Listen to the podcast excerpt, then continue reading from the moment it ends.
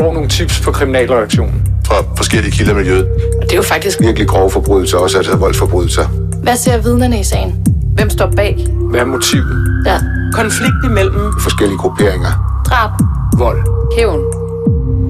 Hver uge vender vi aktuelle kriminalsager på Ekstrabladet. 8 tons kokain til en værdi af 4,5 milliarder kroner blev for nylig fundet på et skib i en hollandsk havn. Skibet er ejet af det danske rederi Mærsk, og det er ikke første gang, at Danmarks største rederi er involveret i en stor sag om narkosmugling. Faktisk så siger en politichef, at rederiet er infiltreret af narkokriminelle.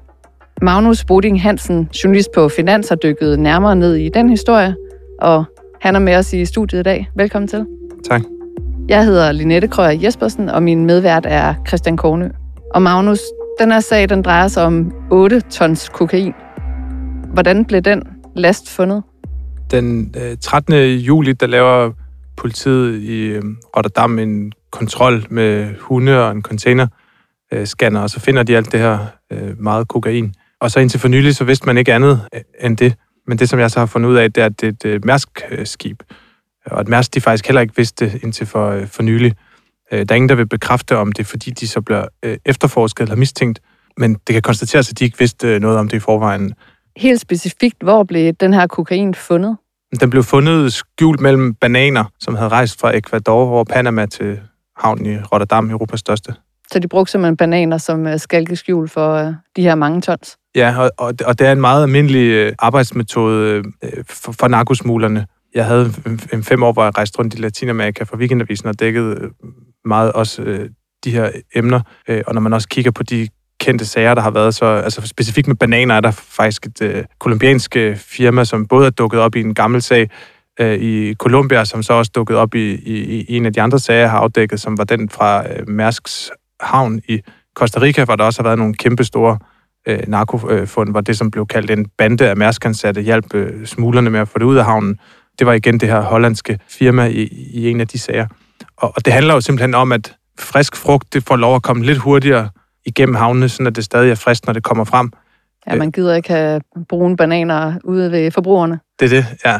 Øh, og, og der er meget stærke indikationer på, at øh, ananas-eksportør fra Costa Rica, bananeksportør fra Colombia, at, at de her brancher, de bliver øh, korrumperet af, af narkosmuglere og samarbejder med dem. Så altså den her last, det er sådan en type last, der kommer hurtigt igennem havnen, og lasten den kommer fra lande, der er kendt for at have kokainproduktion. Ja, så med det forbehold, at det nu efterhånden er, er, er så kendt, så vi kan tale om det i, i, i, i radioen, og det ved I også godt øh, hos politiet, så specifikt øh, skibe fra øh, Sydamerika er de rigtig opmærksomme på. Øh, det forlyder, at det stadigvæk er en af hovedvejene for, for, for kokain, containerskib, ofte skjult blandt frugt øh, til Europa. Hvor stor en fangst er, er det her så? Altså 8 ton, det lyder jo enormt meget. Jeg har gjort det til en vane, når jeg skriver de der ton, altid at sammenligne dem med et eller andet, fordi man, man bliver sådan lidt øh, tom i, i, i blikket, når man hører de der tal.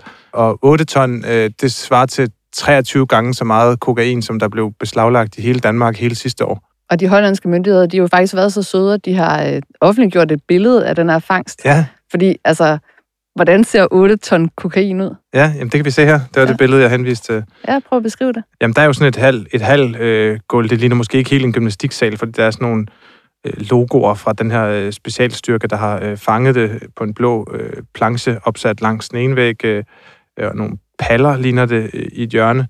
Øh, og så ligger de her øh, poser, det ligner lidt sådan mursten, faktisk, øh, men pakket ind i, i, i plastik. Så er der måske en fire mursten oven på hinanden i hver øh, af de her plastikposer. Øh, jeg vil vurdere, at der måske, ja, jeg ved ikke, hvor mange kvadratmeter det, det, det fylder, men øh, der er i hvert fald rigtig, rigtig meget øh, kokain lagt ud på et, øh, på et gulv. Det fylder rigtig meget, men man kan sige, at de her Mærsk-skibe, de er jo også store. Det må man sige. Og så var du lige kort inde på, på rejsen, øh, som den her last, den har taget. Kan du lige prøve at tage os igennem, hvordan den så havnede i Holland? Det eneste, som er blevet offentliggjort om rejsen, det er, at skibet rejste øh, via Panama fra Ecuador. Og, og Ecuador, øh, som I også er inde på i jeres øh, fjerde sæson af, af Bandeland, er et, er et vigtigt land for, øh, for narkosmugling. Øh, det plejede at være et øh, fredeligt, relativt fredeligt land, men nu er det måske et af de steder, hvor øh, narkovolden er allervoldsomst øh, for tiden i, i Sydamerika det er ikke så længe siden, at øh, præsidentkandidaten, øh, som var en af de eneste, der havde påpeget, at øh, smuglerne øh, og staten samarbejder, at han blev skudt på åben gade. Så, så, så det var der, det kom fra også den her gang. Og så er du inde på, at fangsten den blev gjort ombord på et mærskib. Det er jo lidt den her sådan hæderkronede danske virksomhed. Øh, Er det en enlig svale, at de er involveret i en sag om det allermest organiserede kriminalitet, som man kan forestille sig? Det, som, som vi har kunne konstatere, eller som jeg har kunne konstatere i, i min afdækning indtil videre på Finans, øh, det er, at man i Holland og Belgien har man, en, har man ligesom, hvad der ligner relativt løsrevne øh, sager, men, men, men hvor man i nogle af dem, som jeg har øh, fokuseret på, kan, kan se, hvad der godt kunne ligne nogle systemfejl, eller i hvert fald nogle sårbarheder i den måde, Mærsk undgår det på. Blandt andet talte jeg øh, i, i Belgien med en øh, 30-årig øh, alenemor, som var Mærsk-ansat, og som ifølge øh, myndighederne dernede skal have hjulpet øh, Belgiens mest berygtede narkosmugler med at få sådan nogle koder, øh, som øh, shippingfolkene øh, har, som er det, der skal kunne få containerne øh, udramatisk og simpelt ud, ud af havnen. Og, og, og de koder ved man, at, at de kan sælges for en million kroner, så der er et kæmpestort pres på de shipping-ansatte. Og hun fortalte øh, hende her, alenemoren, at, at alle på gulvet, det var det udtryk, hun brugte, alle dem, hun kendte til i sin afdeling af, af Mærsk-virksomheden nede i Belgien, øh, de havde adgang til de her koder. Øh, og en af de andre sager, som, som jeg har fundet frem øh, sammen med min kollega Jeppe Retz, Jyllandspostens daværende Bruxelles-korrespondent, der var der en, en der blev ansat, som nu er dømt nede i Holland, som da man lavede en profil af ham i forbindelse med retssagen, så kunne man se, at han var sådan en, der sniffede kokain og havde spillegæld og var venner med organiserede kriminelle. Øh, så det er jo sådan en, som i bagklodskabens lys måske havde været god at opdage i, i forbindelse med noget af det HR-arbejde, man laver, når man ansætter folk. Og der siger de så Mærsk, at der er en masse love, hvad må man spørge om, som gør det svært for dem. Øh. Men der er, hvad der ligner, i hvert fald nogle skrøbeligheder i, i den måde, Mærsk forsøger at undgå det her på. Jeg har, som jeg antydede, også øh, fundet en hel del i forbindelse med de havne, som øh, Mærsk ejer nede i, i Sydamerika, øh, hvor deres ansatte også i flere tilfælde har været øh, truet eller bestukket til at hjælpe narkosmuglere. Men lige for at, at opsummere her ganske kort, altså det vil sige, at altså, i sådan Mærskhavn, som, som, eller i, i Rotterdam, der er det simpelthen sådan, at de her koder, som man skal bruge for at få containerne ud af havneområdet, det er så nogen, der florerer blandt de almindelige ansatte, og dem kan de få altså en million kroner for. Det er i hvert fald det, som, øh, som vi hører fra myndighedspersoner i, i, i, i Holland.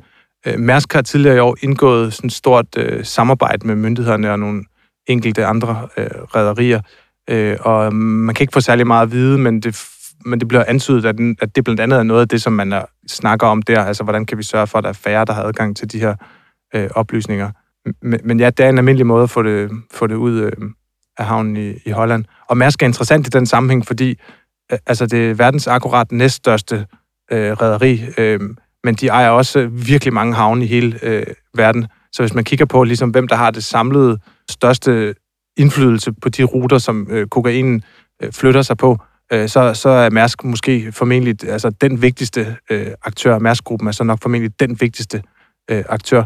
Og så bliver det jo interessant, ikke kun om, om man har gjort det med vilje, det er der næppe nogen, der øh, tror, at de har siddet og gjort ned fra esplanaden, men også øh, hvor, hvor, hvor grundigt har man øh, beskyttet sig mod det her.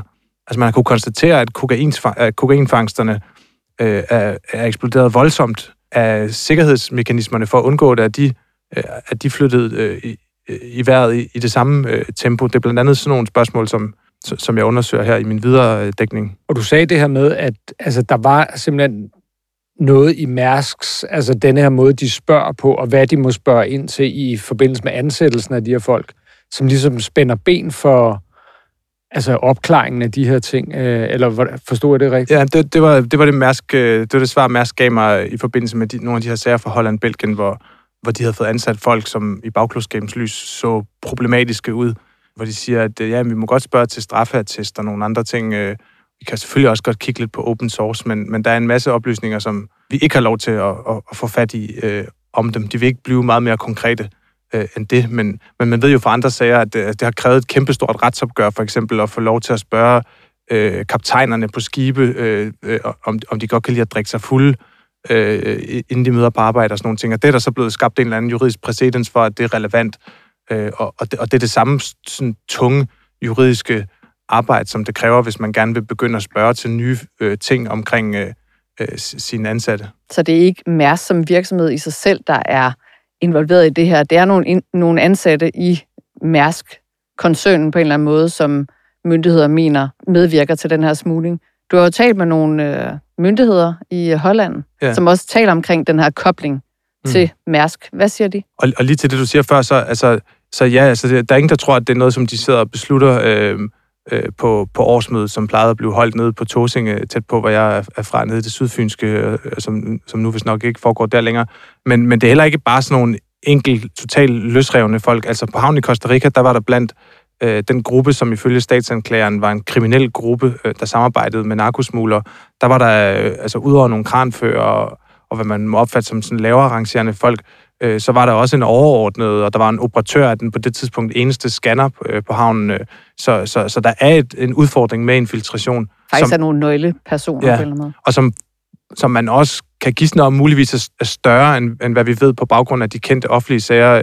Fordi som du nævner, så er chefen for politiet i havnen i Rotterdam, da, da, da jeg mødte ham, han sagde, at øh, Mærsk er infiltreret, og han var sådan en, der underspillede lidt, når, når han gav sine svar. Så han på baggrund af de relativt få sager, han har været i stand til at føre igennem mod mærsk snakker om øh, infiltration, og, og godt nok også snakker om det i forhold til mange af de andre store aktører, så må man formode, at, at der er øh, nogle skrøbeligheder i, i rædderierne, som, øh, som er, er mere end hvad man bare kunne karakterisere som, øh, som rådne æbler eller brødne kar. Og du skriver i din dækning, at der er nogle lokale medier, der decideret bruger udtrykket en narkobande af Mærsk-ansatte. Altså jeg tænker også, at øh, herr Møller, han vil rotere i sin grav, øh, hvis han hørte det. Vi har jo før her i Afhørt øh, talt om øh, de her krypterede tjenester, øh, Sky, ICC og Incrotat. Og jeg synes, det var meget interessant at læse din dækning, hvor det her jo også spiller en rolle, altså at øh, øh politiet de har, øh, de har hvad hedder det, brudt de her krypterede tjenester, og hvor der jo netop også bliver nævnt noget med Mærsk. Prøv at fortælle om det. Ja, altså det, at det optræder flere steder. Altså en af eksemplerne er, er, af hende, den belgiske alenemor, jeg fortalte om, som skulle have hjulpet den største øh, narkoborgen øh, i, i Belgien, Otman El Baluti, med at, med, med at smule øh, kokain. Hun skulle have heddet Louis på øh, øh Encrochat, ifølge myndighederne. Øh, og øh, de har også faktisk søgt på Mærsk øh, politiet, øh, da de fik adgang til nogle af de her øh, beskedtjenester, øh, hvor de så vælger nogle øh, nøgleord. Kokain søgte de også på. Øh, de kunne have søgt på alt muligt, men altså, de har åbenbart haft nok øh, mistanker mod Mærsk til, at det var et af de specifikke ord, øh, de søgte på. Øh, der er også nogle andre øh, øh, korrespondencer på, på den her beskedtjeneste, hvor, hvor nogle kriminelle snakker om, hvad en, en konkret øh, mærskansat skal øh, have for sin hjælp. Og, så, så der er ligesom øh, steder i, i, i den her afdækning, hvor, hvor Mærsk dukker op. Og så hvis jeg skal tage deres parti, altså øh, Mærsk, det her, det er jo øh, en meget, meget stor øh, forretning, øh, kokainsmugling, og der er mange containerskibe. Altså, kan de reelt set gøre noget ved det her? jeg synes i hvert fald, at, at det er vigtigt at prøve at sætte sig i, i, i deres sted. Øhm, og øhm, øh, her, her den seneste tid, så sidder jeg sådan hele tiden og søger på Mærsk øh, forskellige steder. Og så er det jo sådan noget, øh, hyre en i Bangladesh, hyre en i Indien. Altså, de ansætter jo folk hele tiden. Det er jo et gigantisk firma, og det må være meget svært at undgå, at nogle af dem øh, kan blive bestukket.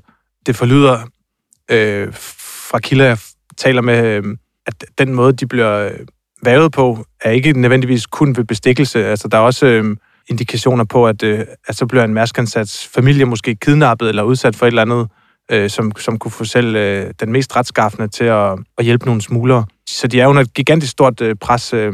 Det afgørende er jo så, hvor godt man øh, beskytter sig mod de øh, mere sådan, systemiske skrøbeligheder, der er i forhold til, hvordan man hyrer sine folk, øh, i forhold til, hvor, hvor meget man inspicerer. Der er der forskel fra rædderi til rædderi. Altså, n- nogen har konsekvent dykker nede, når et skib forlader en havn, for at se, se om der er nogen, der med magneter har sat øh, kokainen fast øh, øh, under skibet. Øh, deres, ka- deres konkurrent øh, MSC, øh, der var en stor sag på et tidspunkt, hvor den montenegriske øh, mafia havde infiltreret dem, øh, sådan at, at, at hurtigbåde kunne ligge til øh, ved siden øh, af deres containerskib i åben sø og få, og få øh, kokain øh, ombord. Så der, altså, der foregår en, altså et, et fascinerende øh, våbenkapløb mellem øh, rædderier og, og narkosmuglere. Så brødende kar kan man nok ikke fuldstændig øh, undgå, men det mere øh, systemiske, mener du, at man godt kunne kigge lidt mere på, måske? Det er i hvert fald noget af det, som, er, som jeg tror, man er, er opmærksom på i Mærsk, når man tænker over, hvordan man kan undgå at få, få, få mange af sådan nogle sager her. Men det må også være enormt ressourcekrævende. Altså nu siger du selv, altså sender dykkere ned for at undersøge, om det er blevet sat på med magnet. Altså, plus når vi har set nogle af de her containerskibe, de er jo gigantiske. Altså tænk, altså man vil jo så nemt som ingenting kunne finde altså et hulerum, hvor man lige kan gemme 200 kilo eller et eller andet, ikke? Altså, det må være en enorm opgave også på verdensplan, tænker jeg. Det tænker jeg også. Og det er jo netop der, at bananerne kommer ind i billedet. Altså det her med, at det kan jo heller ikke... Øh, der kan jo gå ugevis, øh, månedsvis, før at, øh, den last den bliver skibet mm. væk. De er, jo, de er jo på en måde lykkedes med narkosmuglerne at blive, at blive sådan en slags snyltedyr på noget af det, der fungerer allerbedst i den globale øh, verdenshandel, som netop er det her, at varer de flytter sig hele tiden i, i, i utrolig hast fra kontinent til kontinent øh, for relativt øh, øh, overskuelige øh, øh, beløb. Ikke? Øh, altså hvis man så er i stand til hele tiden at finde nye måder at, at, at, at suge sig øh, lydløst fa- fast øh, på, på det system, øh, det, det, det er meget spændende, øh, ja, hvordan den her kamp udspiller sig. Ikke? Hvad siger Mærsk selv til, til alt det her, du har skrevet og afdækning? Jamen det, det varierer lidt, altså i forhold til, øh, til det med, at det var øh, øh Mærsk, der havde sejlet Hollands største narkofangst nogensinde øh, til Europa her for nylig, der bekræfter de og så siger de, at de samarbejder med øh, myndighederne øh, om at øh, bekæmpe det. Det er selvfølgelig ikke med vilje. Man ved ikke så meget om, hvordan det øh, skete i den konkrete sag. I forhold til havnen nede i øh, Costa Rica, så øh, gør de også opmærksom på, at de samarbejder med myndighederne på forskellige måder, og, øh, og man får indtryk af, at det også der er noget, der er sket øh, uden den øverste ledelses øh, gode vilje, men jo dog med mellemniveau øh, af ledere øh, blandt øh, øh de sigtede og anholdte dernede. Så jeg tror, at Mærsks position er, at det her det er meget, meget svært. Det er nogle frygtelig ressourcestærke og hensynsløse forbrydere, vi er op imod. Øh, vi gør os umage, vi forsøger hele tiden at blive bedre, vi samarbejder med øh, myndighederne. Og en ting er jo, at nu er de her 8 tons kokain fjernet fra markedet. Men Christian, nu er der vel et nyt spil, der går i gang øh, i forhold til også det kriminelle miljø. Ja, altså i Bandeland sæson 4, der fulgte vi jo øh, altså en sending, kan man sige, fra de sydamerikanske narkokarteller, og altså landede det netop i Rotterdam, øh, hvor øh, den serbiske mafia så ligesom tog over og stod for distributionen videre i Europa. Øh, og, og vi fulgte så til Danmark øh, helt ud til, til forbrugeren, kan man sige. Øh, og, øh, og det er klart, når altså, jeg tror efterhånden, der kommer så meget kokain ind i, i Europa, at, øh, at den ene sending, når den bliver beslaglagt, det gør ikke noget i forhold til pris og sådan noget. Men før i tiden, der var det jo sådan, at når der blev taget de her helt store sendinger, så skete der udslag i prisen og sådan noget. Men sådan er det slet ikke længere, fordi der kommer simpelthen så mange, altså så store mængder ind i Europa hele tiden. Øhm, Men en værdi på 4,5 milliarder kroner, der er jo nogen, der mangler nogle penge der er helt klart nogen, der mangler nogle penge, og øh, det kan sagtens være, at det er noget, der skal afregnes. Altså hvis øh, altså, bagmændene i det her altså, vurderer, at der, der er nogen, der kan stilles til regnskab, så har de det jo for vane at gøre det. Øh, og det, ja, som vi alle sammen ved, at kan det jo også være yderst brutalt. Øh, men det man så skal sige i det her Bandeland 4, hvor øh, altså, der afdækkede vi jo også altså i vores research det her med sager, hvor netop havnen i Rotterdam, som er en af Europas allerstørste øh, indskibnings- og udskibningshavn. Altså det her med, jamen der var, øh, altså man havde sager med ansatte i havnens øh, kontrolpunkter, som simpelthen var blevet købt øh, af forskellige mafiaorganisationer, som altså til netop at følge øh, de her sendinger af, af kokain og facilitere dem øh, på deres videre vej ud i Europa. Mm. Og Magnus, øh, Kigger du nærmere på den her sag? Ja, jeg, jeg tænker, det er noget, hvis man sidder øh, som ansat i et shippingfirma eller på en havn øh, et eller andet sted og ved noget, øh, at man jo godt kan tippe øh, jer på Ekstrabladet, eller endnu bedre øh, mig på Finans, øh, om øh, Magnus Boding er til at søge frem. Det er fair nok, du også øh, får lidt øh, reklame nu, hvor du jo også øh, selv reklameret for Bandeland 4. Og hvis vi skal fortsætte øh, reklamen, så kan man høre Bandeland øh, i vores øh, IB Plus øh, univers. Og Magnus Boding Hansen, øh, tusind tak, fordi du øh, var herinde og fortælle om den her sag. Selv tak. En bølge af træktyverier mod ældre borgere i deres hjem i Københavnsområdet fik politiet til at holde et ekstra skarpt øje. Ikke mindst fordi der var lighedspunkter i signalementer og fremgangsmåde. I sidste uge skrev politiet så til anholdelse. Fremstillede fem kvinder, to mænd i grundlovsforhør, og sigtede dem for at have begået 24 træktyverier. Derudover blev to personer fremstillet en absentia, hvilket vil sige, at de ikke var til stede. Linette, du har kigget lidt på denne her sag om træktyverier og tyverier mod ældre og svagelige medborgere. Hvem er offrene her? Det er jo stadigvæk øh, meget nyt, så derfor har jeg ikke sådan fuldstændig fået øh, dykket helt ned i sagen. Men der er jo tale om nogle af vores allersvageste medborgere. Øh, der er tale om ofre, der er ældre mennesker fra sidst i 60'erne, og den ældste, det er en kvinde på 102 år. Man har simpelthen udsat en kvinde på 102 år for kriminalitet, altså enten indbrud eller træktyveri. Ja, lige præcis. øh, Forholdet øh, med hende, det øh, var så kun et forsøg. Det var skete 3. august i år omkring kl. 20.28 i hendes egen lejlighed. Og der er de sigtet, øh, tre af dem, sigtet for at have forsøgt at begå indbrudsteori. Og de gjorde det ved at aktivere hendes øh, dørtelefon på sådan en meget insisterende måde, hvor, de sådan, hvor den blev holdt inde mange gange. Men øh, lykkeligvis så mislykkedes det, fordi at beboeren ikke åbnede op.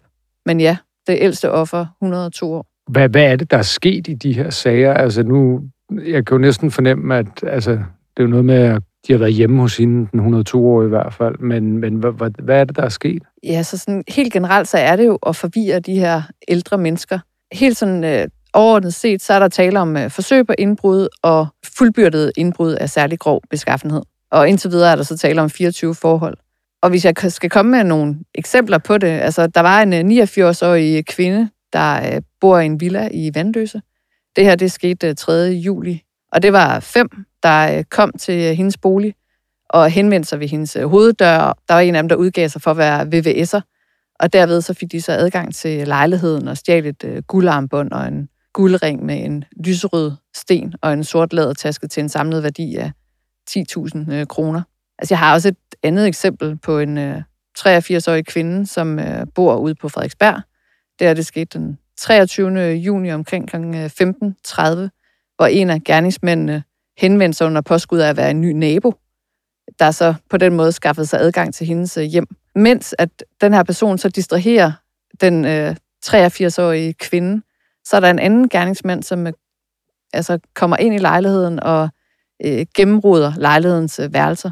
Og man kan sige, at i det her tilfælde, der opdagede kvinden det, men det lykkedes alligevel gerningsmænden at forlade lejligheden med hendes øh, dankort. Og så har jeg lyst til lige at komme med et, et tredje eksempel, hvis jeg også øh, må det. Ja, endelig, endelig. Det er en 84-årig kvinde, øh, hvor at fire af dem er sigtet for indbrud den øh, 9. august øh, kl. 18.15 i hendes lejlighed i Brøndshøj. Og her der henvender de sig under påskud af, at de skal tjekke lejlighedens ovn. Og på den måde så skaffer de sig så adgang til lejligheden, mens nogle andre gerningsmænd så gennemruder lejligheden. Og det opdager den her kvinde også, men øh, de når at stikke afsted med 20 koster i form af nogle smykker til en øh, ukendt værdi. Og så kan man jo sige, det er jo ikke sådan kæmpe værdier, øh, at øh, gerningsmændene stikker afsted med. Og det er heller ikke, fordi de er ældre, de er kommet voldsomt øh, til skade. Altså det er ikke sådan, at øh, de fysisk er øh, kommet til skade. Men jeg har tidligere talt med ofre for de her øh, triktyverier, altså hvor at, øh, de bliver opsøgt i deres øh, hjem. Og du drømmer jo ikke om, hvor meget det påvirker dem. Altså hele deres sådan tryghed øh, Mm. i forhold til at, øh, at åbne døren. Og de her ældre mennesker, det er jo nogen, hvor der kommer en lindstrøm af myndighedsfolk. Altså der kommer for eksempel hjemmehjælpere eller, eller andre. Så de er også lidt afhængige af, at der kommer fremmede mennesker ind i deres hjem hele tiden. Og pludselig bliver de altså vel mistænksomme over for netop hjemmehjælpen og alle mulige andre også. Ja, fuldstændig. Altså, og det er jo så i de tilfælde, hvor de jo faktisk er i sådan en mental habitus, hvor de øh, overhovedet forstår, hvad der er sket. Fordi vi har jo også set sager, hvor der er tale om ældre mennesker, som øh, måske er demente, eller øh, som i hvert fald er øh, fysisk øh, svækket. Jeg kan da også huske at have dækket et af de her hjemmerøverier, jeg mener det ude på Amager, hvor en, en meget ældre mand, også øh, jeg tror tæt på 90 eller over 90, øh, altså blev altså, det stedet udsat for vold i forbindelse med, med sagen, så, så det kan jo også eskalere til, til noget voldsommere. Ja, Jeg synes jo, de her sager, det er virkelig, hvor ordet sådan skrupelløst. Det har fuldstændig sin, øh, sin ret. Og det bringer mig jo straks videre til, at øh, der er jo også en grund til, at vi ligesom ikke taler nærmere om, hvem det er, der er blevet sigtet og fremstillet i denne her sag. Kan lige fortælle, øh, hvorfor det er, at vi ikke øh, går nærmere ind i det? Ja, der var jo, som du var inde på i introen, øh, syv personer, som blev fremstillet i grundlovsfører, og så to en absentia, som ikke øh, var til stede. Og i grundlovsføret, der blev de beskyttet af et navneforbud. Øh, desværre så var der ikke nogen journalister til stede øh, ved grundlovsforhøret, så der var heller ikke nogen til at protestere mod navneforbuddet. Men de er altså beskyttet mod, at vi kan identificere dem nærmere, i hvert fald på nuværende tidspunkt. Øh, altså man kan sige, at øh, det jeg kan sige, det er, at nogle af dem er ikke ukendte for tidligere kriminalitet. Og så kan jeg sige, at den ældste af de sigtede, det er en kvinde på 64 år, og den yngste, det er også en kvinde, og hun er 20 år. Og så de her to, der er blevet fremstillet i en absentia, det er også to kvinder. De er jo så, må man formode, eftersøgt på nuværende tidspunkt. Og hvordan, øh, hvordan blev de her sager opdaget? Ja, grundlovsfædre det beholdt for lukkede døre. Så vi ved jo ikke sådan fuldstændig, hvordan det er, de øh, blev opdaget. Men politiet de har jo allerede været ude og sige, at de øh, holdt et skarpt øje, fordi at der kom en bølge af sager øh, fra årsskiftet og frem til, øh, til nu her på sensommeren. Og jeg ved i hvert fald fra andre sager, at øh, politiet de har iværksat observationer, og det kan man jo også godt forestille sig, at det er det, der er sket i den her sag. Men en bølge af sager fra årsskiftet og frem, det er da utrolig længe politiet om, ligesom at indkredse de her øh, gernings, mulige gerningspersoner. Altså, det er jo otte måneder. Ja, altså vi ved jo ikke, hvorfor der er, er gået så lang tid, eller hvorfor det er, at de ikke ligesom har øh, øh, sat en, øh, en, øh, en led, et lidestegn mellem de her sager øh, tidligere. Det er jo altså også øh, nogle svære forurettede og, øh, og afhøre. Altså jeg dækkede på et tidspunkt en sag, hvor at, øh, der var flere af de øh, forurettede, de var døde, så man i mellemtiden fra, at øh, sagen, der var startet til hovedforhandlingen, den gik i gang. Altså, så det er jo meget, meget svækkede personer, som jo måske heller ikke nødvendigvis øh, husker specielt godt, eller... Øh, det er jo en af bagsiderne af, at øh, dørene bliver lukket, og der kommer navnforbud på stedet. Det er, at vi kan jo ikke øh, referere for eksempel øh, noget så simpelt som, hvorfor er der gået så længe fra, altså, at den her bølge af tyverier startede, og så til, til der egentlig blev skrevet til anholdelse. Øhm, hvordan endte det her grundlovsforhør? Ja, det endte med, at øh, der var øh, fire, der blev varetægtsfængslet i 26 dage. Så var der øh, de her to, der blev fremstillet i en absentia. De blev så også øh, varetægtsfængslet. Og så var der øh, tre personer, som alle sammen blev løsladt. Og det kan man sige, det taler jo også ind i, at hvis der kommer en øh, fristforlængelse, hvor der øh, kommer fysisk fremmøde, så kan man da i hvert fald argumentere med, at der bør være åbne døre, fordi der jo altså i hvert fald er tre af de her sigtede, som nu er på fri fod, hvor dommeren ikke fandt grundlag for, at de her tre, de skulle øh, varetægtsfængsles. Man skulle også mene af noget omtale, altså netop i den her meget sår, sårbare målgruppe, som de begår deres forbrydelser imod, altså muligvis vil kunne få nogle af dem til at huske tilbage på, at de havde været udsat for et eller andet. Men jeg kan i hvert fald love, at øh, det er en sag, som vi kommer til at kigge meget mere på på Ekstrabladet. Tak for det, Linette, og tak fordi du gjorde os klogere, og tak til Rasmus Søgaard, der producerede programmet, og ikke mindst tak til alle jer, der har lyttet med.